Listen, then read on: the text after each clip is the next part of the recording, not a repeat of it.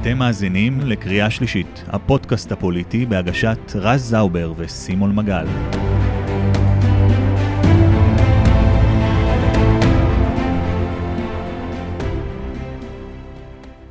שלום רז זאובר. שלום סימון מגל. אז אנחנו כאן עכשיו בעקבות uh, האסון הזה שקרה לנו בשביעי לעשירי. 30 יום אחרי, בדיוק. לגמרי, היום אנחנו מציינים 30 יום אחרי. Uh, אסון גדול, ואנחנו פה להשמיע את הדעות שלנו. אתה, רז זאובר, בחמש שנים האחרונות, למעשה מהיום שבו סיימת את התואר הראשון שלך באוניברסיטת תל אביב, התחלת לעסוק בתחום הפוליטי, בתפקידים רבים ומגוונים בארץ ובחו"ל, אה, גם בארצות הברית. אה, היה לך שם אה, התנסות משמעותית פוליטית ענפה בקונסוליה של ישראל בניו יורק. בארץ היית דובר של חברת כנסת, היית יועץ פרלמנטרי של כמה וכמה חברי כנסת. אה, זו העשייה שלך, זה מה שאתה יודע לעשות, שם אתה צובר את הניסיון שלך, ואתה עושה את העבודה שלך שם אה, בצורה מרשימה, זה אני יודע להגיד בתור מי שמכיר אותך אישית. רבה. אני, סימון, אה, גם שנתיים, שלוש אחרונות, אני עורך דין, בתחום ההתחדשות העירונית, בעל שני תארים במשפטים, תואר השני הוא בהתמחות במשפט פלילי, גם בזה התמחיתי, אבל עזבתי את התחום, היום אני בתחום ההתחדשות העירונית, במשרד מחמשת הגדולים בישראל. ההתמחות שלך אבל היא ציבורית. ההתמחות היא ציבורית. אני מכיר את ה... כן, ההתמחות היא ציבורית.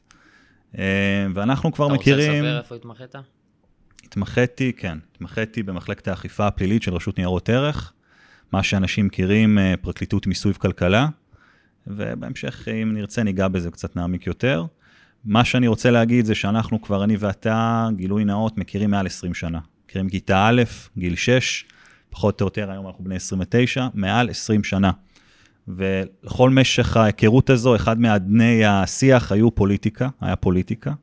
אנחנו מדברים על זה, אנחנו חושבים את זה, אתה גם היום עושה את זה, בשנים האחרונות אתה עושה את זה. אה, והכל מתוך אהבה למדינה. אה, אז זה אתה וזה אני, ואנחנו נשמיע את הדעות על הדבר שקרה פה הנורא, על איך הגענו לזה, על איפה אנחנו נמצאים היום, ואיפה אנחנו, אני ואתה, נרצה לראות את המדינה בעתיד. אני חושב שבאמת אה, בעקבות האירוע הזה, אה, הגענו למסקנה שאי אפשר לשתוק. אי אפשר להמשיך כאילו שום דבר לא קרה. אה, אני חושב שעם הגיל ועם הניסיון של שנינו גם מגיעה איזושהי אחריות לבוא ולהגיד מה אנחנו חושבים, מה צריך להיות, מה היה, מה עשו לא נכון. אה, ואם לא אחרי אסון כזה, שבאמת כל אחד מאיתנו, אני, אני מכיר אולי 20 איש ש, שנרצחו ברמה כזאת או אחרת, אם לא עכשיו, אז, אה, אז מתי? אה, אז באמת, איך אתה, קודם כל, איפה זה תפס אותך? בוקר של יום שבת, תפס אותך, את כולנו, אפשר להגיד, במיטה. לצערי, גם לא מעט מה, מאנשי הצבא שלנו נתפסו במקום הזה. אמ, אני והבת זוג, היא מתעוררת, יש לה אינסטינקטים חייתיים, מעירה אותי, אומרת לי, סימון, יש אזעקה. ברגע אחד, היא פשוט זינקה לפני שהאזעקה התחילה להתניע, זה היה מדהים. לא הבנתי מה קורה, וישר אה, אנחנו גרים בבניין רכבת אה, בחולון, אה, מיושן, אנחנו, אין לנו ממ"ד בבית, אז היינו, נאלצנו, אתה יודע, כמו כל השכנים שלנו וכמו רבים בשכונה שלנו, לרדת למקלט בשעה הזו ב, ביום. זה היה, אה, אבל זה עוד בסדר, אתה יודע, אם זה היה נגמר בזה, אין שום בעיה. אתה יודע, תן לי, תן לי כל בוקר במשך חודש להתעורר ככה, ולרדת למקלט, מבלי שהמאורעות המזוויעים שנלוו. אגב, זאת, זאת המציאות בדרום, כבר אה, מעל, אה, בוא נגיד, מאז 2005, במסה כזאת או אחרת, ואני חושב mm-hmm. שבאמת אחת מהבעיות זה שאנחנו... התרגלנו או הורגלנו לזה שזה נורמלי. אתה יודע, יש לנו כיפת כן. ברזל, אומרים זה רחוק, זה, זה אוכלוסייה שרגילה לזה. זה מזכיר לי אחד הסיפורים שתפסו אותי, כל יום תפס אותי סיפור אחר, טרגדיה אחרת. יש בחור שאני מקווה שאני לא טועה בשם שלו, נטע אפשטיין, שהוא mm-hmm. היה אה, פעיל חברתי אה, מאחד הקיבוצים בדרום, בעוטף, שבעצם קרא לזה, בואו בוא, תעשו רגע משהו שנוכל פה לחיות בצורה נורמלית.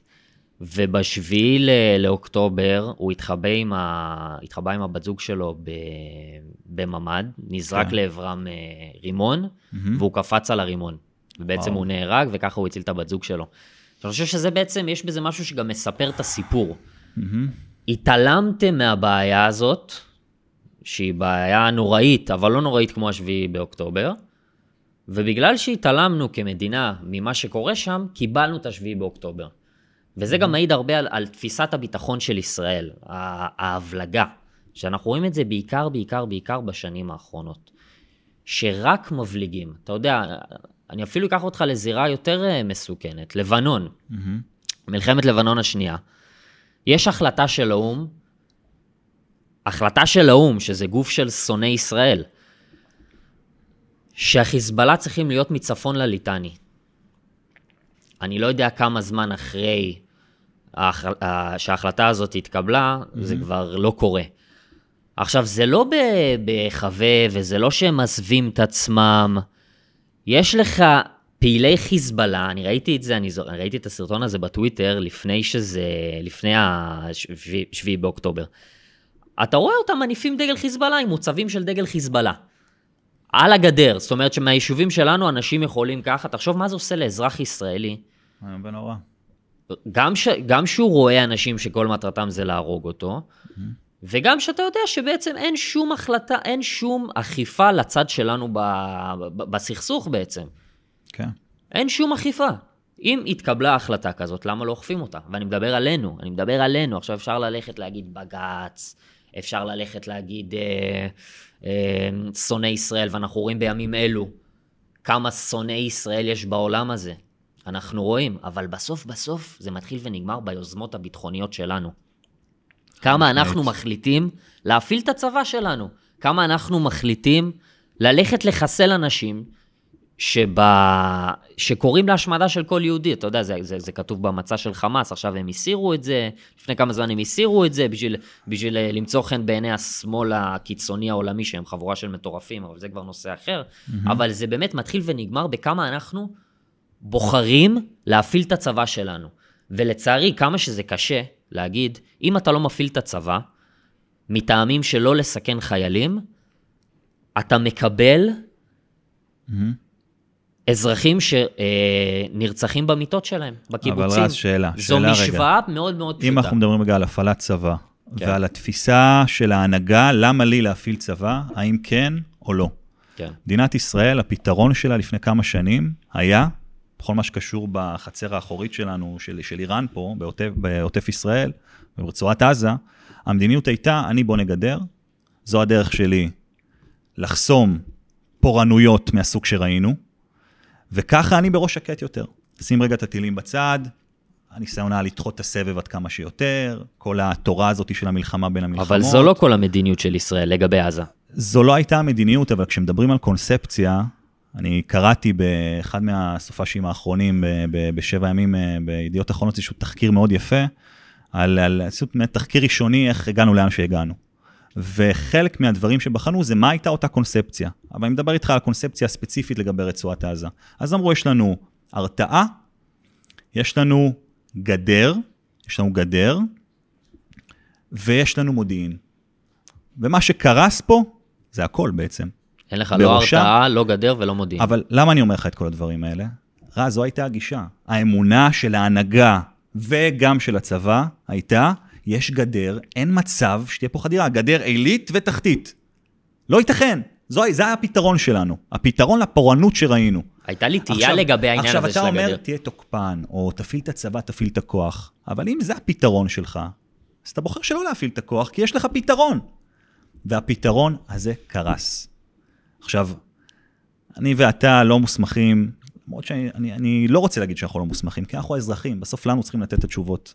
ואנחנו צריכים גם לדעת להפנות כן, אצבע הגישה מאשימה. הזאת שיושבים שם אה, אה, בני אלים באולפנים, והם ידבו לנו, והם יודעים יותר מאיתנו, ראינו. בשביעי באוקטובר כמה זה, כמה זה נכון, ו- ב- ו- במרכאות. והקונספציה הנוספת, ואני לא, דווקא לא רוצה להרחיב בעת מלחמה בעניין הזה, זה הימין מלא מלא הזה. הימין מלא מלא זה קונספציה בפני עצמה שקרסה. אנחנו נמנע את הטרור, ואנחנו נהיה חזקים מול החמאס, ואנחנו נהיה חזקים... אתה יודע, אני לא רוצה להעמיק בזה מדי. גם אמרת לי וביקשת, סימון, בוא... כי באמת אנחנו בזמן מלחמה, והאחדות חשובה. אבל הייתה פה קונספציה נוספת שקרסה. אני רוצה רגע לחזור למה שאמרת. אתה אומר המדיניות הייתה גדר, מודיעין, והרתעה שקיימת. והרתעה. לפי אבל, תפיסתנו. אבל יש כאן מרכיב שאתה, שאתה לא מזכיר, שבעצם ה, המדיניות של ישראל הייתה אה, להעביר כסף לחמאס. זה שזה הגיע מק, מקטאר, זה לא משנה, בסוף זה, הייתה פה לגיטימציה, היה פה אישור של, אה, שלנו. אה, שהכספים יעברו. שהכספים יעברו, ומעבר לזה, אתה יודע, אני לא לוקח את זה למקום הדמגוגי והפשטני. היה רצון של, של, אה, של נתניהו, סמוטריץ' דיבר על זה, לשמור על החמאס קיים, בשביל לפצל בין עזה ויהודה ושומרון.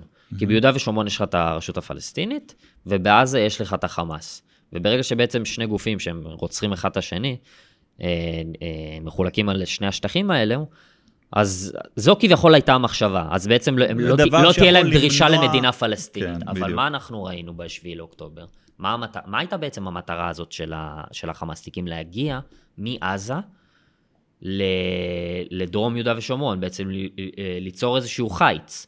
וזה גם המטרה של האנשים ב... ביהודה ושומרון, וה... והמטרה של, ה... של הרשות הפלסטינית, אתה יודע, עכשיו מדברים, זה טוב שאתה אומר את זה. ש- כי- שלא נשלה, נשגה באשליות. כאילו שם אנחנו עכשיו עם שוחרי שלום. כן, שם יש גם כן חמאס. אתמול אה, נתפס שם אחד מבכירי החמאס בגדה. כן. גם שם יש אנשים שצריך להיזהר מהם מאוד. כן. להיזהר מהם מאוד. ועכשיו אני שומע את, את קולות במערכת הפוליטית, אתה יודע, באיזושהי עזות מצח, החיילים שלנו עדיין נלחמים ועוד לא כבשו בכלל את, ה, את הרצועה, הם יכבשו, כי יש לנו את הצבא הכי טוב בעולם, אבל הם עוד לא עשו את זה, וכבר מדברים על להעביר את זה לרשות הפלסטינית.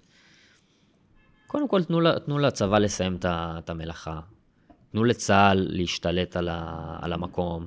תנו, ל, תנו לשבויים לחזור הביתה. ואז בואו נתחיל לדבר על, על פתרון לאחר כך. אמרת שבויים רגע, אז אני רוצה את המחווה הקטנה שלי. מוקדם יותר היום היה לי איזה טקס במשרד שאני עובד בו. שהמצלמות אני AI גם של, של, מקווה. של אור יתפסו את זה. כן, כן, זה מאבק חשוב. אני מקווה שזה לא מאבק תמיכה בלבד עבור המשפחות, אלא מאבק תמיכה עבור החטופים עצמם, שהם יראו את זה. שהדבר הזה יסייע באמת, לא רק, אתה יודע, משפחות uh, צריך uh, לתמוך בהן, אבל בסוף התמיכה או הפתרון הוא החזרת השבויים האלה והחטופים. ומקווה שרואים את זה. אז uh, כן, אני אמשיך ככה ברשותך. כן, מעל 240 חטופים, זה באמת אה, פשוט קטסטרופה שאתה לא, לא מצליח לתפוס. סיטואציה הזויה. ואם אני חוזר רגע לעניין של הרשות הפלסטינית, יש לך שם, מי בעצם מחזיק את הרשות הפלסטינית? זה באמת הדמות הכי מתונה אה, בקרב ההנהגה הפלסטינית, שזה אבו מאזן. מכחיש שואה, שונא ישראל בכ- בכל נימי אה, נפשו, הוא הדמות באמת הכי מתונה שם. עכשיו, היית אומר לי שהוא איזה דיקטטור אה, אה, אה, רב עוצמה, שאפשר באמת לחתום איתו על הסכם, מין איזה מלך ירדן כזה, לא מאהבת ישראל, אלא מתוך העוצמה שלו, שאפשר להגיע איתו להסכם, אבל זה לא המצב. הבן אדם על סף מוות, החבצלת שלו מוכנה בערוצי החדשות כבר שנים. היורשים שלו הרבה יותר גרועים ממנו. לא עושים בחירות, לא עורכים בחירות ביהודה ושומרון, אה, מאז 2000 ולא יודע, 6 לדעתי, בגלל שיודעים שהחמאס יעלה שם. אז בואו רגע נהיה הוגנים עם עצמנו, ונודה שהרשות הפלסטינית זו לא האופציה המתונה ו- וה- אה, ושאפשר לפתוח בה. זה איזושהי פיקציה שיש לנו בראש, וזה אחת מהקונספציות. קודם כל, זה, יש את הקונספציה הזאת של אה, נתניהו מר ביטחון, שהיא הלכה לעזאזל, ויש גם את הקונספציה הזאת שאפשר להגיע איתם לאיזשהו הסכם, וגם אתה רואה את המפגינים ברחבי העולם הפרו-פלסטינים, הם לא צועקים אה, two, אה, two state solution now, הם צועקים from the river to the sea, Palestine will be free, which means שצריך למחות, שצריך לעשות את מה שהם עשו ב-7 לאוקטובר. אבל עד הסוף. עד הסוף, כן, ואם צה"ל לא היה מגיע, אז זה גם היה קורה. אז זה גם היה קורה. אז אני חושב שיש הרבה הנחות יסוד בחברה הישראלית שצריכות אה, להימחק או לזוז הצידה. יש הרבה אנשים שצריכים רגע לחזור לא- לאיזשהו מקום קצת יותר ענב ויותר אה, צנוע בקשר להצעות שהם אה, מציעים. אנחנו בכלל משליכים איזושהי עמדה או תיאוריה פוליטית שהיא מערבית לחלוטין, שהיא אירופאית לחלוטין. השמאל, כפי שאנחנו מכירים אותו, השמאל המדיני, אל תיקח אותנו ליוסיאן, כן? לא ייקח, אבל- לא ייקח ליוסיאן, למרות שיש הרבה דברים שהוא אומר שהם נכונים, אבל אתה יודע, עושים, עשו לו דמות, קצת... אבל... אה, אה, כן. ה- ההנחה הזאת שלנו, ש- ש- שבקרב הפלסטינים או בקרב ה- הם- הם- הם- מדינות ערב, קיים, קיימות תפיסות ליברליות של, של שמאל עולמי, זה לא נכון. ההנחה הזאת שאתה יכול להגיע איתם לפתרון, כי הם רוצים להגיע לפתרון, כי הם רוצים לחיות לצדך, הוא לא נכון. הדת שלהם מורה להם באופן אקטיבי, גם עכשיו, לזה שלא יהיה בעצם אף יהודי באיפה שאנחנו נמצאים, ואנחנו צריכים להבין את זה, זה לא איזושהי, זה לא איזושהי עמדה משיחית. האינטרפטציה אבל הג'יהאדיסטית של הדת שלהם, כי כן יש שם עקרונות וערכים, ואני לא עכשיו מדבר, מלמד סנגוריה על האסלאם, אני כן רוצה ללמד סנגוריה על אותם מתונים, על אותם אנשים טובים. יש לי אחת שעובדת איתי גם במשרד שלי. לא, לא מדבר על ערביי אנחנו לא- ישראל. לא, מדבר אנחנו לא נכנסים לזה. בכלל, אבל- זה לא אבל- הסיפור. חשוב לציין שחלק מההתנהלות הטרוריסטית המסוכנת, האסורה של אנשים ומחבלים מהחמאס, מהחיזבאללה, זה לקחת ולעוות. לקחת את התורה והדת ולעשות בה שימוש מניפולטיבי על בני העם שלהם. כאילו וטרור וחיסול יהודי מקבל הצדקה או איזשהו עיגון משפטי דתי בקוראן אבל אולי שלהם. הוא כן מקבל. אולי אני- הוא כן מקבל. לא קראתי את כל הקוראן, אבל אני חושב שהוא לא. אני חושב שהוא לא, רז. אני חושב שהוא לא. אם יש לך שם קטעים שאומרים שיהודים הם חזירים ו- ובני קופים וצריך להרוג כל יהודי.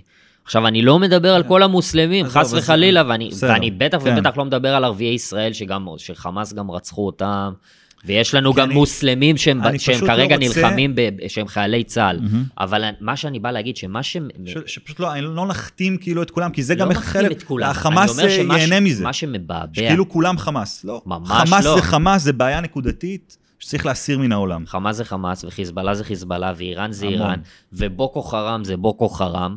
יש כאן איזשהו משהו, אסור לטמון את הראש ב- באדמה. ברגע שהדעת שלך היא, היא פוליטית, היא גורמת לך לנוע בכ- בכיוונים פוליטיים שהם קיצוניים, אז יש בזה סכנה. אנחנו, הנרטיב המוביל אותנו כיהודים בארץ ישראל, זה הפוליטי, הנרטיב הפוליטי שמניע אותנו, זו לא הדת היהודית. זה אנחנו תן לי בית. כן, אנחנו חפצי חיים, יודעים שזו המולדת שלנו ואנחנו רוצים לחיות פה. זה מה שמניע אותנו כ- כיהודים. האג'נדה שלנו היא לא אה, דתית קיצונית, אה, זה לא מה שהוביל אותנו לפה. אבות הציונות הם חילונים גמורים. אנחנו באנו לעשות צדק היסטורי, לשוב אחרי אה, אלפיים שנות גלות. אגב, צדק היסטורי לוקח אותי קצת למקום של, ה, של ההסברה. תגיד לי אם גם אתה שמת לב לזה. זה שמוסלמים, יש לך מעל מיליארד מוסלמים שהם מתעבים אותנו, זה ברור. אבל אה, אתה רואה גם הרבה חבר'ה לבנים, מהמם. אירופאים, אמריקאים, קנדים, שגם מצטרפים ל- לתנועות מחאה הפרו-פלסטיניות האלה. ולדעתי זה, זה הרבה מאוד, כמובן שזה נובע מאנטי- בורות, מאנטישמיות, אבל זה גם נובע מבורות. בורות. אתה גם רואה את זה? אני רואה את זה לגמרי, ואתה רואה שאין שם ביסוס אמיתי, או אתה מסתכל על האנשים האלה וקצת מאתגרים אותם בעוד איזו שאלה, או שאלת המשך על מה, תספר לי על הרקע של העם הזה, ותספר לי על הרקע של הסכסוך, אין להם מושג. אין להם מושג במה מדובר. מה היו ההחלטות הפורמליות של המוסדות הפורמליים בעולם, של האומות המאוחדות, מה הם קיבלו, איזה החלטה ישראל היא ישות איך. קולוניאליסטית. אחד הדברים באמת. שנחשפתי אליהם ברשת, ש, שאתה יודע, ניסיתי להבין את הנרטיב הבאמת מטופש שלהם, שזה, אני, לא, לא המוסלמים, המוסלמים, אתה יודע, אין, זה, זה שלהם, כן. של החבר'ה הלבנים, הנוצרים, נקרא לזה ככה. לא, לא, לא נוצרים, הם לא דתיים, אבל החבר'ה הלבנים. יש איזשהו נרטיב שזה מגיע ב- בכל האוניברסיטאות האלה, שזה עוד נושא, ה-Ivy Leagues, שבעצם ישראל היא פרויקט קולוניאליסטי בריטי-אמריקאי, ואנחנו כביכול איזושהי שלוחה שלהם. כן. זרקו לפח אה, מעל 3,000 שנות מסורת יהודית, את, ה, את המאמצים שאנחנו והדם שאנחנו שפכנו פה במדינה הזאת, בארץ הזאת, בשביל להשיג מדינה, והפכו אותנו לאיזושהי שלוחה מערבית, אה, שזה פסיכי בעיניי. מסתכלים על ההיסטוריה מהנקודה שנוח.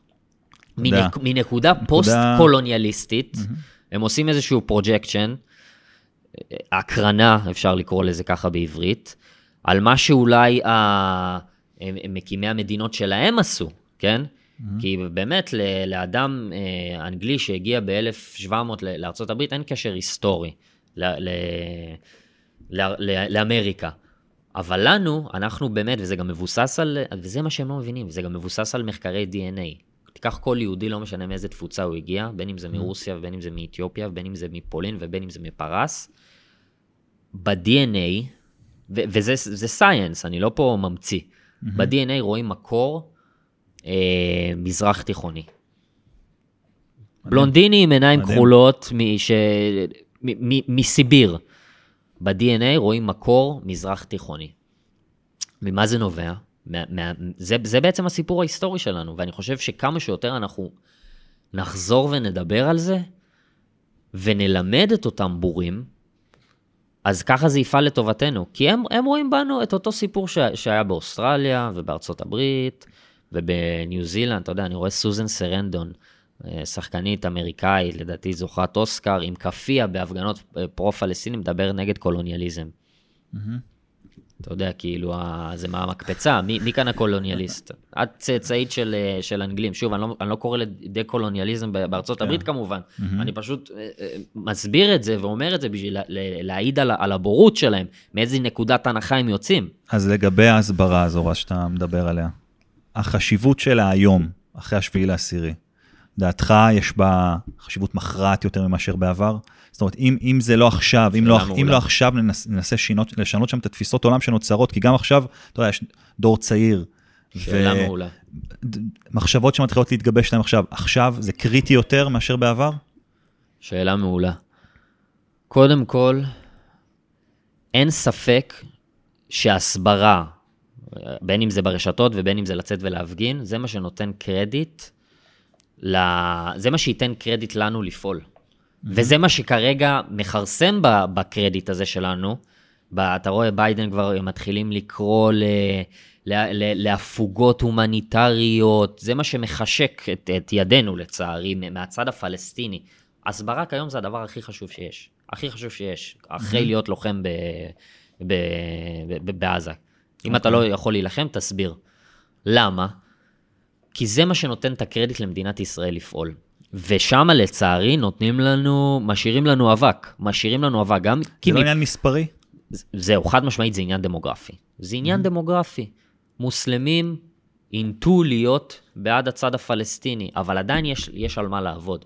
בארצות הברית המוסלמים הם עדיין פחותים במספרם ממספר היהודים, obviously mm-hmm. ממספר האמריקאים הלבנים הנוצרים. אז עדיין יש על מה לעבוד. אנחנו ו... נותנים fight, אבל אני רואה, נגיד, אתה יודע, מסתכלות בזה, יוס... אתה אחד מהאנשים שנותנים fight, אני רואה צפיות, סרטונים שלך מגיעים למאות אלפי צפיות. אתה יודע, אתה משווה אותך לאיזה אחד שמהצד אה, השני, זה נותן fight. ואתה הקטן ממדינת ישראל. אין ספק שכל אחד, אה, כרגע מה שאנחנו רואים בזירת ההסברה הישראלית זה יוזמות פרטיות. מיוסף, זה גם מיוסף עניין. חדד, שזה... לא רצינו לגעת בזה, אבל זה פשוט... זה מחדל. מחדל.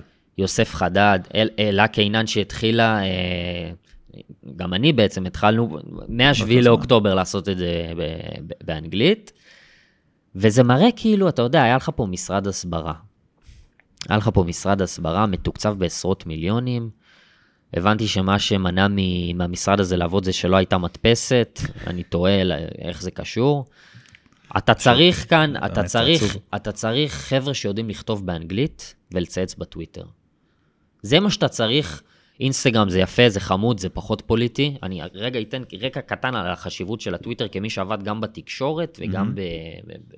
אתה יודע, בזוויות אחרות, בזוויות אחרות של הדבר.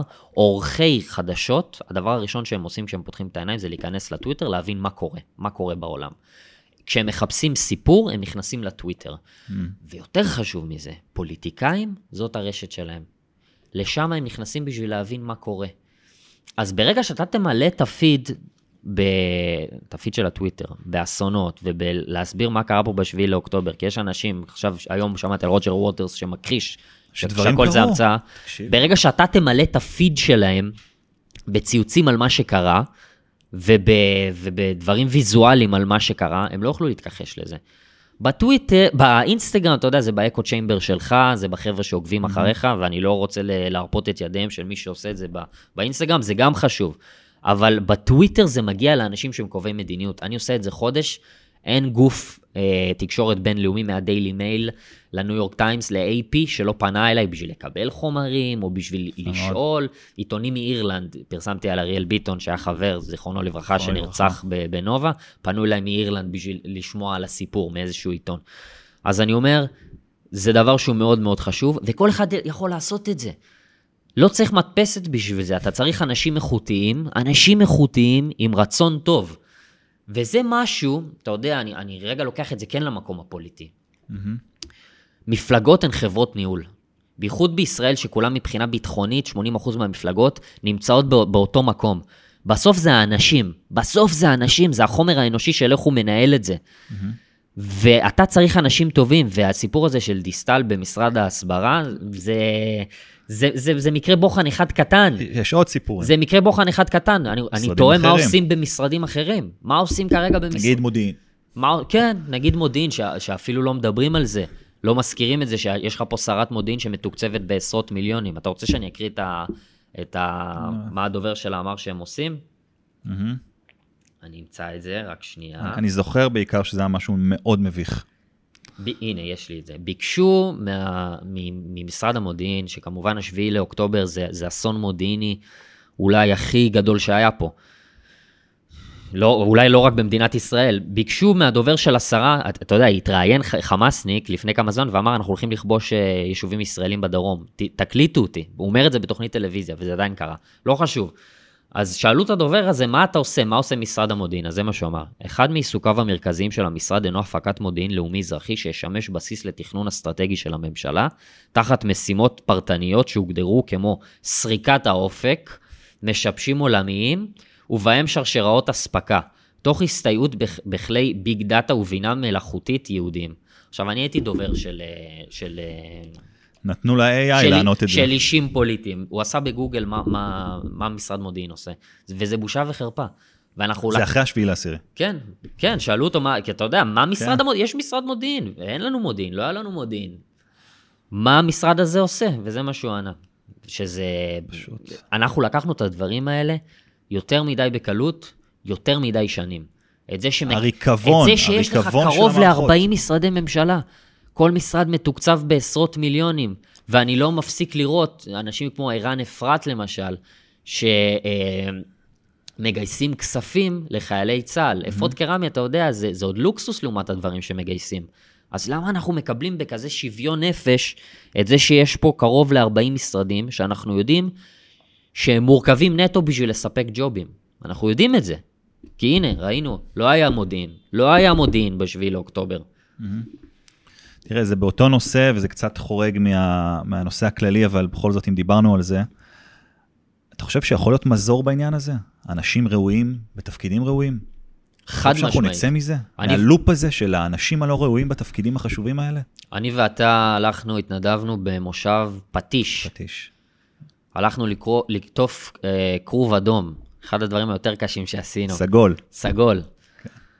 אה, ואתה רואה שם אנשים באמת שהם מדהימים, ואתה רואה באמת את היוזמות האזרחיות, את ההתנדבות. אתה רואה שיש כאן עם שהוא מדהים. יש כאן עם שהוא מדהים. אתה רואה את ההורים של חיילי צה"ל, את האימהות של חיילי את צה"ל, האח- את האחיות הקטנות. את האחיות הקטנות. ברשימה של איפה אתה, אתה לפטיש. חמודה. אתה רואה את האנשים האלה, אתה רואה באמת, אני, ההורים של חיילי צה"ל שעכשיו נלחמים ברצועה, איזה חינוך, איזה ערכים. יש כאן עם שהוא מדהים, אבל אנחנו באמת צריכים לחזור לניקיון כפיים, ללעבוד בצורה מסודרת. כמו שהיית רוצה שהחברה שלך תנוהל, ככה תנהל את מדינת ישראל. כי אנחנו צריכים לזכור שזה קודש קודשים. מדינה, מדינה בהגדרה שלה, וזה אני חוזר לתואר בממשל, זה אה, שיש לה מונופול על אמצעי האלימות. כלומר, אם אתה אה, עושה לזה איזושהי פרפרזה או הערכה, זה אומר שהם אחראים על הביטחון שלך. ואם המדינה לא מתנהלת בצורה טובה ונכונה, אז הביטחון שלך נראה כמו שהוא נראה ב-7 לאוקטובר. לגמרי. הוא נראה כמו שהוא נראה ב-7 לאוקטובר. אנחנו צריכים לחזור לפעול בצורה מתוקנת. מתוקנת. לא יותר מ-18 שרים. לא צריך. הסרבול הזה הוא פועל לרעתנו, זה מתנה לאויבים שלנו. כל משרד כזה מתוקצב בעשרות מיליונים. שרה כמו גילה גמליאל, יש לה איזה אה, לפחות עשרה תקנים. לפחות עשרה תקנים. מה היה אפשר לעשות עם זה, עם הכסף הזה, למגן את כל אשקלון? זה לא שמאלנות להגיד את זה. אם הקשבתם לחלק הראשון של הפודקאסט, אנחנו, אני חושב, חפים מדעות אה, שמאלניות. זה, זה נטו מינהל תקין. זה נטו מינהל תקין. אתה יודע, רז, יש איזו אה, הסתכלות גיאופוליטית קצת יותר רחבה, שאני אה, בשיחות עם אנשים אה, נחשף ל- ל- לתפיסה הזו, שאומרת שאנחנו איזשהו פיון במשחק שהוא הרבה יותר גדול מאיתנו. אה, והכוונה כמובן לציר הרשע הזה שהולך ונרקם לו, אה, איראן, רוסיה, סין אולי איפשהו קצת על הגדר, תימן אנחנו רואים עכשיו. אה, אל מול מה שארצות הברית ואנחנו והמדינות המתונות יותר ניסו ליצור בחודשים האחרונים, ביתר שאת בשבועות האחרונים, בשבועות גם לפני, לפני השביעי לעשירי, לצרף לשם גם את סעודיה, ליצור אולי איזושהי רכבת שכזו שתעבור. סעודיה בציר שלנו. סעודיה בציר שלנו. כן. שהרי סעודיה מפחדת פחד מוות מאיראן, או אני לא נכנס לשם, אני לא ממש בקיא בתחום הזה, אבל כן. אז מה אתה חושב על, ה, על העניין של למקם את כל מה שקרה בשביעי לעשירי? זה לא קצת מרדד מה, מהאסון שלנו, מהכל דור ודור באים עליך לכלות, לכלותך? זה לא קצת מרדד מזה? כי הרבה, רבים, רבים מהאנשים שאני שומע שאומרים, אה, זה חלק מהמשחק הזה. זה הכל חלק מזה. זה העברה של רוסיה את הנפט לשם שלא יפגע לה, וסעודיה רוצה למשוך גם לכיוון שלה, זה הכל סיפור כלכלי. אה, מי יספק יותר נפט לעולם, מי יהיה בעל, בעל ההון. אני חושב כמובן שיש פה איזשהו סיפור שהוא עולמי, אבל בסוף בסוף, בוא ניקח לדוגמה את רוסיה ו- וסין. סין בת- בשנים הראשונות שטבעו את המונח ציר הרשע, היא לא הייתה חלק, עכשיו היא כן חלק. סין ורוסיה, מבחינה היסטורית, הן אויבות מרות. היו שם מלחמות, מלחמות על שטחים. התרבויות הן לא דומות, זה דתות שהן שונות. זאת אומרת שיש בהן משהו שכן גרם להם להתאחד, וזה השנאה לארצות הברית. בעצם הרצון הזה לצאת מה... שאנחנו כרגע נמצאים, ב... שיש מעצמה אחת כביכול בעולם. שיש אנשים שכבר יגידו שזה לא נכון, אבל כרגע יש מעצמה אחת יחידה ב... ב... בעולם, וזה ארצות ולעניין הברית. הפיון הזה, אז לעניין זה- הזה שזה אז- אז זה מרדד בדיוק מה את שאני- הסיפור אז הישראלי, אני בדיוק הולך לעניין הזה, היהודי. בדיוק הולך לעניין הזה של הרידוד.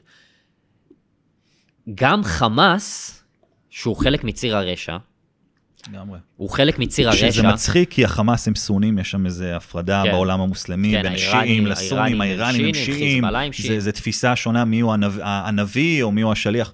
אה, מה שאני רוצה להגיד שיש פה איזושהי התכנסות של אינטרסים נגד ישראל, נגד המערב, שלכל אחד יש את הסיבות השונות והמשונות שלו. החמאסניקים שונאים Mm. אותנו מהמקום הסוני, הפלסטיני, האיראנים שונאים אותנו מהמקום השיעי, האימפריאליסטי שלהם, שזה זה, זה סיבות שונות. בסוף הם מתאחדים, השנאה הזאת מאחדת אותם בשביל לפעול נגדנו. עכשיו, באמת יש פה את הסיפור היותר מורכב של העניין הזה עם... אה, לא, אבל השבת את זה, השבת את העניין הזה, בסוף השנאה הזו. כן, בסוף, שנאה. בסוף, לה- בסוף השנאה, אומרת- השנאה זה מה שמאחד אותם, וגם אם יש אינטרסים כלכליים חבויים, שזה הגז מרוסיה לאירופה, או, או התחליף של הגז הסעודי שיעבור לאירופה, בסוף צריך לזכור שיש פה את הדבר הזה שמאחד את כולם, וזה...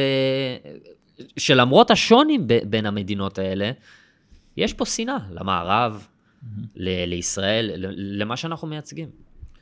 תראה, רז, דיברנו גם מקודם על קונספציית הימין מלא מלא, שהיא אחת מהקונספציות שלשיטתי קרסה. כן. אתה יודע, לא, אנחנו... זה, הם לא ראויים להיקרא, ימין, כי, כי לא נעשה פה דברים שהם ימניים בעיניי. אבל uh, אני, אני מבין, אז- כאילו, אתה אומר במרכאות. אז אני בא, לגמרי, זה קרס.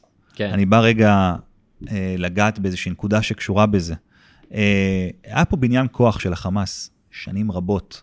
ראית, ניסו גם, זה, זה לא רק שהייתה שנאה כלפי העם היהודי, זאת אומרת, הייתה שנאה גם כלפי הרשות, שבזמנו, אה, בתקופתו של רבין, עם, עם אוסלו א' ומסמך העקרונות, והניסיון שלו באמת להתניע, ואחרי זה הסכמי קהיר, ראית שיש שנאה גם ביניהם. זאת אומרת, ראית שהשנאה גועשת גם ביניהם. זאת אומרת, החמאס לא רק שונא אותנו, הוא גם שונא את מי שמנסה לעשות איתנו, מבני עמו, מנסה לעשות איתנו איזה מהלך מדיני. כן. היה פה בניין כוח במשך שנים. אתה רואה, אתה יכול לקרוא ספרים, לקסיקון החמאס, גיא אביעד, לא, זה לא פרסום, פשוט ספר שתפס אותי מאוד. כן. הספר מפרט על ההיסטוריה של החמאס, על איך הם הוקמו בשנת 87, ועל מי המנהיגים שלהם, ועל חמאס חוץ, ועל חמאס פנים, ועל איזה בכירים, ועל טסים לארצות הברית ופותחים שם עמותות, כן. ומגייסים כספים, ומתחילים ללמד, להנחיל את זה בחינוך הדתי ברצועת עזה ובעולם, איפה שהם לא יכלו. תשמע, היה פה בניין כוח של שנים. הימין מלא מלא הזה לא ראה את הבניין כוח. אתה יודע, יש לך פה ראש ממשלה, אני, לא- ביקשת שאני לא אכנס, אבל אני חייב לגעת, ואני לא, אתה יודע, אני לא חף באיזושהי שנאת ביבי. כי אני תמכתי בו כל השנים, ואני תמכתי בו שנים ארוכות. אתה בעצם צעיר- ביטלת את החברות שלך בליכוד כן. בשמיני לעשירי. ב-19, קצת, הייתי קצת בהלם, אתה יודע, כולנו היינו בהלם, רגע כן. התאפסתי, הבנתי שפוליטית, הצעד שאני עושה, כן, זה רגע לבטל את החברות, כי אני לא מסוגל להיות חלק מהדבר הזה. כן. אז כן, הייתי שם חבר ופעיל, ו-11 שנה, והולך לפריימריזים, ודוחף, ועושה, ובוחר, ותומך בביבי בעיקר. אז זה בוטל, לגמרי. עכשיו, יש פה בניין כוח של שנים, אתה ראש ממשלה כל כך הרבה שנים. אתה יודע, מילא, מילא, אל, אל תטפל כל כך בבניין הכוח, כי זה דבר באמת קשה. תשמע, למוטט את שלטון החמאס, שלטון החמאס נמצא בהרבה מקומות בעולם. בהרבה מקומות בעולם. אז זה, פה באמת יש קושי, אבל אל תבוא תגיד, אני אכה את החמאס, אני הכיתי את החמאס מכה קשה, החמאס מורתע. אל תשקר לנו. בעצם אל שיקרו תשקר לנו. לנו, ואם, ואם ראשי צה"ל באים לכנסת ורוצים להיפגש איתך, אל תסרב להיפגש איתם לפני חודשיים. אל תסרב להיפגש איתם. שוב, אני חוזר לסיפור עם, עם הילד הזה ש, שנלחם על, ה, על הזכויות שלו לחיות בשלום ב, ב, ב, בעוטף ישראל, ו, ו, ובשביעי לעשירי קפץ על רימון. אם, אם יש ארגון טרור שכל תכליתו היא להרוס אותך ולהרוג אותך, עם אנשים כמו סינואר, אתה יודע, רואים שראש הממשלה החליף איתם פתקים, סיכון מחושב. הקונספציה הזאת של לשמור עליהם בחיים, זה דבר שהוא... וזה לא נכון להגיד שכולם, שכולם היו חלק מהקונספציה הזאת, זה לא נכון, כי יש הרבה ביטחוניסטים, ויש הרבה אנשים שאמרו שאת החמאס צריך לחסל. אתה ליברמן, לדוגמה. אתה חושב שבניין הכוח הזה שאני מתאר, המערכות, המוסדות, אתה רואה שזה גוף שבסוף כל האופרציה היא, היא המטרה שלה בקצה זה לחסל את העם היהודי. לח- ל- לכבוש את מדינת ישראל, זה מה שהם ניסו לעשות פה. אז, אז, להגיע אתה- ליהודה ושומרון, לעזה להגיע ליהודה צידוק, ושומרון. אבל אתה כאילו נותן צידוק רציונלי, או שאתה מתאר פה איזשהו צידוק רציונלי ללמה לא הפרענו להם בהתפתחות ובהתעצמות. הצידוק הרציונלי הוא כי הייתה פה מחשבה לפרד, ב, להפריד בין, אה, בין, בין שני הכוחות. ברור, זה, זה אני, לא, רציונלי? אני, אני חלילה, לא, כאילו אני נותן חלילה לא לה- אומר שהכוונות של נתניהו וסמוטריץ', שהם, אה, שהם אבות הקונספציה הזאת, היו רעות. הם חשבו שאפשר, אבל הם כן היו עזות מצח, והם כן היו מחשבות שהן ערלות לב. אם אתה חושב שאנשים בשדרות, זה ראוי שהם יחיו בצורה כזאת כל כך הרבה שנים, אז אתה ערל לב. אז אתה, אתה כהה לכאב שלהם. אתה ראש ממשלה שאומר, אוקיי, הם יכולים להמשיך לסבול את זה, כי זה לא כזה נורא. ואם אתה אומר, אז מה אם, ירו, אם הם ירו על אשקלון, שזו, שזו מירי רגב אמרה, אז פחות כואב לך. פחות כואב לך, פחות אכפת לך. פחות אכפת לך. אתה כן חושב שזה, זה, המצב הזה צריך לשמור על הסטטוס קוו, אבל זה סטטוס קוו שהוא מקולל, וזה סטטוס קוו שמדינה ריבונית לא יכולה להסכים לו. ואני לא בא לפה לדבר כמו איזה, אתה יודע, נפוליאון דה מיקולו. כן. אני אומר כי, כי בסוף זה מה שהביא אותנו לשביעי לעשירי. זה מה שהביא אותנו לשביעי לעשירי. צבא, יש לנו צבא, יש לנו את הצבא הכי טוב בעולם. אני לא מכיר צבא יותר מפואר מבחינת ניצחונות וקרבות, אני לא מכיר חיילים יותר איכותיים, אה, חכמים, אה, טובי לב ואמיצים ממה שיש לנו. ו-. ושכחנו שאנחנו צריכים גם להשתמש בצבא שלנו לפעמים. שכחנו מזה. שילמנו פרוטקשן לארגון טרור הכי גדול בעולם במשך 14 שנה. מה חשבנו שיקרה? מה חשבנו שיקרה? אתה, אתה, האמצעי לחימה שלהם כרגע ממומנים בכסף שמדינת ישראל אישרה אותו, חתומה עליו. זה לא משנה שאם, אם זה מקטר או, או מ- לא יודע מה.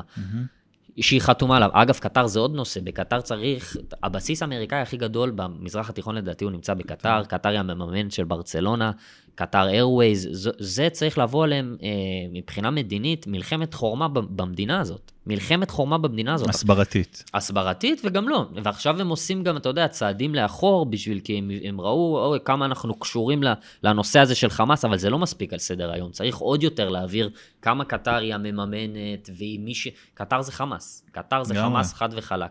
וזה לוקח אותי לעוד נושא שאנחנו... אנחנו לא מספיק יוזמים מדינית פעולות הסברתיות, או פעולות בכלל. אתמול נרצח פול קסלר, אה, אדם בן 65, אמריקאי. בלוס אנג'לס, סבא חמוד שעמד עם דגל ישראל ובא מפגין פרו-פלסטיני ודפק לו בראש אה, מגפון. לא ראיתי אישים ישראלים שמדברים על זה. על כזה דבר אתה צריך, אם יש לך שר הסברה או חוץ או לא יודע מה, אתה צריך לעשות מסיבת עיתונאים. למה? כי אז אתה הופך את הבעיה הישראלית לבעיה יהודית. וברגע שהפכת את זה לבעיה יהודית אמריקאית, פה המפלגה הדמוקרטית כבר תתחיל להגיד, אוקיי, הקול היהודי שלנו מתחיל להתערער. אוקיי, אנחנו צריכים לעשות דברים לטובת הקול היהודי. לא רק, כי אתה יודע, יש עליהם לחץ נגדי, יש עליהם לחץ מטובת הפרו-פלסטינים, לגרום לנו להפסקות אש, להפוגות הומניטריות. וג'ו ביידן הוא אוהב ישראל, ואין לי ספק בזה, אבל יש עליו לחץ פנימי. ברגע שאתה תראה לו שגם הקול היהודי שלו הוא לא שבוי, ויש פה בעיה איתם, אז זה גם יתחיל לערער אותו. אתה צריך לצאת ולהגיד, שוב, צריך לעשות, צריך באמת ללכת על ביצים, כי אתה לא רוצה חס וחלילה להסתבך, או לעשות את זה בעורמה ובחוכמה. להגיד אתמול, רק לכתוב על האיש, רק לכתוב על האיש, מיוזר כמו של נתניהו, שיש לו מיליוני עוקבים, רק לכתוב על הבן אדם, ואז אתה מבהיר שיש פה גם בעיה שהיא יהודית. אתה חושב שמשהו שראש ממשלה צריך לעשות? משפט שכזה, אמירה שכזאת, או מישהו מהסביבה? מה... אולי לא ראש ממשלה, אבל לא, חס... לא חסרים אנשים בסביבה, לא חסרים שרים. יש, יש גם שר מורשת ויש גם שר מסורת. כן. מישהו יכול לצייץ את זה באנגלית, בשביל להפעיל איזשהו לחץ, בשביל להראות, אוקיי, הקול היהודי, כי זו בעיה שהולכת ומתפתחת. זה, זה סכנה לצד הסכנה שאנחנו חווים פה הישראלים. הסכנה היהודים הס- בסכנה. האסטרטגית הכי גדולה של, אה, של העם היהודי ושל מדינת ישראל כיום, זה מספר המוסלמים בארצות הברית. ביום שהם יתחילו להתקרב למספר יהודים בארצות הברית, או יעברו אותם, התמיכה בישראל תרד. אנחנו חושבים, אתה יודע, אצל הרפובליקנים זה קצת אחרת, כי הם פועלים מערכים, מאיזה שהם... אה, זה קצת אחרת. אבל ברגע שבמפלגה הדמוקרטית יבינו שיותר שווה להם להיות, אה, ללכת לפי הקול המוסלמי ולהיות בעדם, אז הם אה, באופן הגיוני שכל פוליטיקאי חושב אה, אה, בצורה כזאת, הם יפעלו יותר לטובתם. ואתה רואה את זה היום עם ה squad, the squad, קורטז ורשידה טליב וכל האנשים האלה שהן חברות קונגרס, שהן שונאות את אמריקה והן שונאות את ישראל. הן אלה שמפעילות את הלחץ. רשידה טליב צייצה, From the river to the sea זו אה, קריאה לגיטימית. הן, הן אלה שמפעילות את הלחץ כנגד ישראל. ואני, ו, ושוב אני אומר, ברגע שחס וחלילה, ה, ה, מבחינת האוכלוסייה המוסלמית תגדל בארצות הברית, יותר מהאוכלוסייה היהודית, או תגדל בעוצמתה, כי, ה- כי היהודים הם גם משפיעים לא רק מבחינה אה, מספרית, אלא מספרית, אלא גם מבחינת התרומות ומבחינת הכספים, שזה, בוא, בוא נגיד, יש את הביטחון הזה שזה יהיה עוד לעשרות שנים, אבל אתה רואה עכשיו, אתה רואה עכשיו כמה האוכלוסייה המוסלמית בארצות הברית, היא משפיעה, היא מחשקת את ידי, אה, את ידינו. היא זאת שגורמת לברני סנדרס, שהוא היהודי האנטישמי מספר אחד בעולם כיום, היא זו שגורמת לו לצייץ את השטויות שהוא מצייץ נגד מדינת ישראל. ו- וזה לא איזושהי עמדה טראמפיסטית, מה שאני אומר פה. הנרי קיסינג'ר, שהוא אה, דמוקרט, אמר, זאת הייתה טעות להכניס לארצות הברית אנשים שהערכים שלהם הם כל כך שונים מהערכים המערביים שלנו. כי אתה מכניס אנשים שלא אוהבים את אמריקה, שלא מאמינים באמריקה, לא מאמינים במערב. כל ההפגנות הפרו-פלסטיניות, אתה לא רואה דגלי אה, ארצות הברית, או דגלי, את היוניון ג'ק, את אה, דגל אה, בר- בריטניה או אנגליה, אתה רואה דגל פלסטין. כי זו תנועה, התנועה האסלאמית היא פוליטית. היא פוליטית, וזה מה שהם רוצים. בהפגנות הפרו-ישראליות אתה רואה את דגל המדינה ואת דגל ישראל. וזה בעיניי מספר את כל ההבדל. יפה. אז מה יהיה איתנו? בסוף יהיה טוב, כי אין ברירה. אתה רואה שאין לך ברירה, אין לך לאן ללכת. אני שוב חוזר לסיפור הזה של אה, פול קסלר. אחד מהמוטיבים הכי גדולים של ה- הקריאות הכי גדולות של הפרו-פלסטינים זה אנחנו קולוניאליסטים ואנחנו צריכים לחזור למדינות אירופה וארצות הברית. ב- בליון דקרו אישה יהודייה, אני הכל אירועים מהחודש האחרון. מטורף. פול קסלר נרצח אתמול, לאן ילך? יש לאן? הרבה ואין סוף אירועי אלימות. אין סוף אירועי אלימות. על בסיס אין יומי. סוף. ושוב, העניין הזה של התמיכה הדמוגרפית, כי בסוף כל פוליטיקאי מסתכל על כמות קולות, מה שמחזיק היום את התמיכה האנגלית בנו, mm-hmm. זה שיש שם, אה, מי שבשלטון זה מפלגת שהיא אה, מרכז ימין כזה, והבורגנות הבריטית הלבנה, הם באיזשהו מקום שמרני, והם, והם רואים מה קורה שם עם האסלאם, והם, והתמיכה באנגליה היא יותר גדולה מה, מהמתנגדים mm-hmm. ל, ל, למדינת ישראל. אבל זה דברים שהם, אתה יודע, זה דינמיים, בסוף זה עניין דמוגרפי. בסוף זה עניין דמוגרפי. וזה משהו שצריך לשים אליו לב, ואני שמח שיש אמריקאים ששמים לזה לב, משני צידי המפה הפוליטית. Mm-hmm. הם שמים לזה לב. אתמול למשל גם קראתי שבגן ילדים, אני לא יודע אם זה בגרמניה או בהולנד, יש קריאה לשנות את ה... הגן ילדים קראו על שמה של אה, אנה פרנק. פרנק. ויש קריאה לשנות את השם לשם שהוא יותר diverse, יותר, עם גיוון. יותר עם, עם גיוון. שזה, אתה יודע, אם, אם, אם, אם החבר'ה שם לא היו אה, מהגרים אה, מוסלמים, זו קריאה שבחיים לא הייתה יוצאת ל... לגמרי. כי אה, איפה האירופאי שלא ירגיש רגשי, רגשות אשם לעשות כזה דבר? Mm-hmm. אין כזה דבר. אבל פה בגלל שזה בעצם מוסלמים ואין להם שום מחויבות לדבר, והם, אז, אז זה מוביל לדברים כאלה. ובאירופה זה סכנה, יש לך שם 50 מיליון יהודים. 50 אה, מיליון אה, מוסלמים, וזו סכנה. זה עניין שהוא דמוגרפי. לצד מי נמצא באיזה ציר. כן. אמר לי איזה מישהו, הסיבה שהייתה פה את הרכבת הזאת של המנהיגים, זה כדי להראות לך מי תומך במי ומי באיזה צד. בא סונאק ובא ביידן וכולי, כדי להראות לך מי... אנחנו בציר הזה. אתם הציר ההוא. כן, אין ספק שיש פה את העניין הזה של, ה... של השני צירים. ציר מערבי וציר אה, רוסי, איראני, אה, עם חיזבאללה. השלוחות של איראן זה חיזבאללה וחמאס. אין ספק שזה פה, זה הסיפור. זה הסיפור. ושוב, נחזור לעניין הזה של ההסברה. כל אחד יכול לעשות את זה בטוויטר, לתת את הציוץ הזה, רגע לתרגם בגוגל mm-hmm. translate, להעלות סרטון. זה באמת משהו שהוא חשוב ושהוא... אה, זה באמת אה, קובע ומשנה. זה באמת קובע ומשנה. חד משמעית. אתה מבטיח להמשיך לעשות את העבודה הטובה שאתה עושה שם? אני אמשיך, אני אמשיך. מעולה. אני אמשיך, לחלוטין. מה דעתך על הסרטון זוועות? לדעתך צריך לשחרר את זה או שלא? רציתי לשאול אותך את זה, אתה יודע? כן. אמ, אני לא יודע מה עומק הזוועות, אני יודע מה קרה, אני לא יודע מה הסרטון מראה. יכול להיות שהוא מראה יותר ממה שאני חושב ומעלה על דעתי שקרה. אני חושב ש... אה, אה, יש לזה יתרונות, יש חסרונות. יש פה איזשהו עניין של כבוד המת, דברים שאני חושב שצריך קצת... ערכים. יהודיים. כן, כן, קצת בחרדת קודש להיות עם הדבר הזה. אני חושב שדובר צה"ל ומשרד החוץ מתנהלים בצורה נכונה בהקשר הזה, שמראים את זה באמת לקודקודים, כן. לעיתונאים. גל גדות עכשיו מארגנת את הקרנה בהוליווד.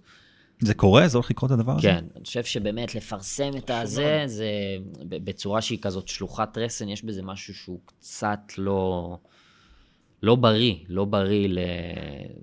לנו. הבנתי שיש שם תיעודים. יש שם זוועות. שמה, הם טבחו, אנסו, שרפו, ערפו. מה זה? זה מאבק לגיטימי, כן? יש מי שרואים בזה מאבק לגיטימי. זה, זה כל... בהסברה רז צריך ל... פשוט לחסל את הדבר הזה, לחסל את האמירות האלה, להוריד, מיד לחלוטין, להוריד את הדבר הזה. לחלוטין. כל זוועה שאפשר להעלות על הדעת נעשתה ב-7 לאוקטובר. כל זוועה. וכן, זה, זה באמת הזמן שלנו להגיב בצורה הכי הכי אימתנית ועוצמתית ש, שיכולה להיות, לעשות את זה באחדות, לחזק את, אה, את החיילים שלנו, מה יהיה אחר כך, איך נפתור את זה אחר כך. אני רואה כבר אנשים מדברים על מה יהיה אחר כך, או חנן בן ארי שר אה, את השיר הזה אה, בכינוס עם חיילים. אם, אם אתה לא שר לחיילים, אז אל תרשה לעצמך ל... לתת ביקורת. זו mm-hmm. דעתי, זו דעתי לפחות. אני לא, לא בא להגן על האמירות שלו או לדבר נגדן, אבל חיילים לפני כניסה לעזה, אז אתה רגע, אה, אתה רוצה להכניס להם לראש, לא רגע, אנחנו נכבוש את עזה בשביל לתת את זה לגוף אה, פלסטיני אחר. לא, צאו רגע מהטהרנות. מה שהיה זה לא מה שיהיה. Mm-hmm. צאו מהטהרנות. יש פה מלחמה שאנחנו... אומרים, זה לא מלחמת עצמאות שנייה, אבל זו, זו אולי מלחמה מהקשות בתולדות ישראל, לפחות במחיר שספגנו, במחיר שספגנו, אין ספק בכלל. ואתה, ואני, ואני רואה קריאות טהרניות. כבר ש, שבועיים לתוך, ה, לתוך האסון, אתה רואה כבר ככה וככה וככה. בואו, כל פעם שעולה לכם רגע איזשהו רגש כזה, תסתכלו ותנסו להיזכר אחרי... מה היה בבארי ומה היה בנובה. Mm-hmm. וזה חשוב, הדברים האלה משפיעים, כי, כי זה דברים שגורמים ל, ל, ל, לחוסר אחדות. וגם מאידך, כל אותם אנשים שאמרו לטייסים ללכת לעזאזל, וכל, וכל אותם האנשים שאמרו להם, תקשיבו, קורה פה אסון, אתם uh, הולכים לפעולה uh, עם הרפורמה שאתם חושבים שהיא נכונה, אבל יש פה יותר מחצי עם שחושב שזה בעצם לפרק את מדינת ישראל, שהוא נשבע אמונים למדינה שתראה אחרת אם תעשו את הדבר הזה. Mm-hmm. אז רגע תעצרו, רגע תנסו להגיע להסכמות רחבות. אני חייב לקטוע אותך שתי מילים לגבי הרפורמה, אבל זה משהו שאני מניח שנדבר עליו בעתיד. כן. בתור עורך דין, מה שהכי חשוב במערכת המשפט כרגע, זה להוסיף שופטים למערכת, כדי לחסוך ולקצר את אורך ומשך ההליכים המשפטיים, שזה דבר שמונע עינוי דין, שזה אחד מהדברים החשובים ביותר שמערכת משפט צריכה לספק לאזרחים. כן. הליכים מהירים, ענייניים, יעילים, לפתור להם את הבעיות מהר. זה הדבר הכי חשוב. שזה משהו שמעכבים עכשיו. שזה משהו שלא חושבים עליו, וחושבים הרבה, אה, על הרבה דברים אחרים לפני כן. כן. בעצם מראה לך עד כמה הדברים הם אה, פוליטיים לחלוטין, פופוליסטיים, אבל זה השתי סנט שלי לעניין הזה בתור עורך דין, אבל על זה נדבר בעתיד, בסדר? כי עכשיו אנחנו, כן. זה לא הנושא. גם מסמנים לנו פה, מסמנים לנו פה שאנחנו צריכים uh, לסיים. טווח קצר, אתה אומר, אז הסברה, טווח ארוך גם צריך לשנות את ההנהגה. תשמע, אני לא רציתי שנתדיין על זה, כי לדעתי זה משהו שהוא, אתה יודע, זה, זה obvious. Mm-hmm. זה obvious. הייתה פה קונספציה, הייתה פה מדיניות שהובילה לטבח ואסון. אני לא חושב שזו מדיניות ש, ש, שהגיעה מ... שהגיע מאיזשהו... אה, שזה היה בכוונה, חס וחלילה, אבל בסוף אתה צריך לשאת באחריות על המעשים שלך, ולא להחליף הנהגה, או לא להחליף את הצורה שבה הממשלה שלנו נראית, והגוף הארגוני הזה, איך אמרתי? מפלגות זה חברות ניהול. איך שהחברת ניהול של מדינת ישראל נראית, זה לא נראה טוב. ו- ולא לעשות את זה, זה, זה קצת לזלזל בקורבנות. יבוא הזמן לשנות את המנהלים. גם הזמן הזה יבוא. גם הזמן הזה יבוא. תודה רבה לכל מי שהקשיב. תודה.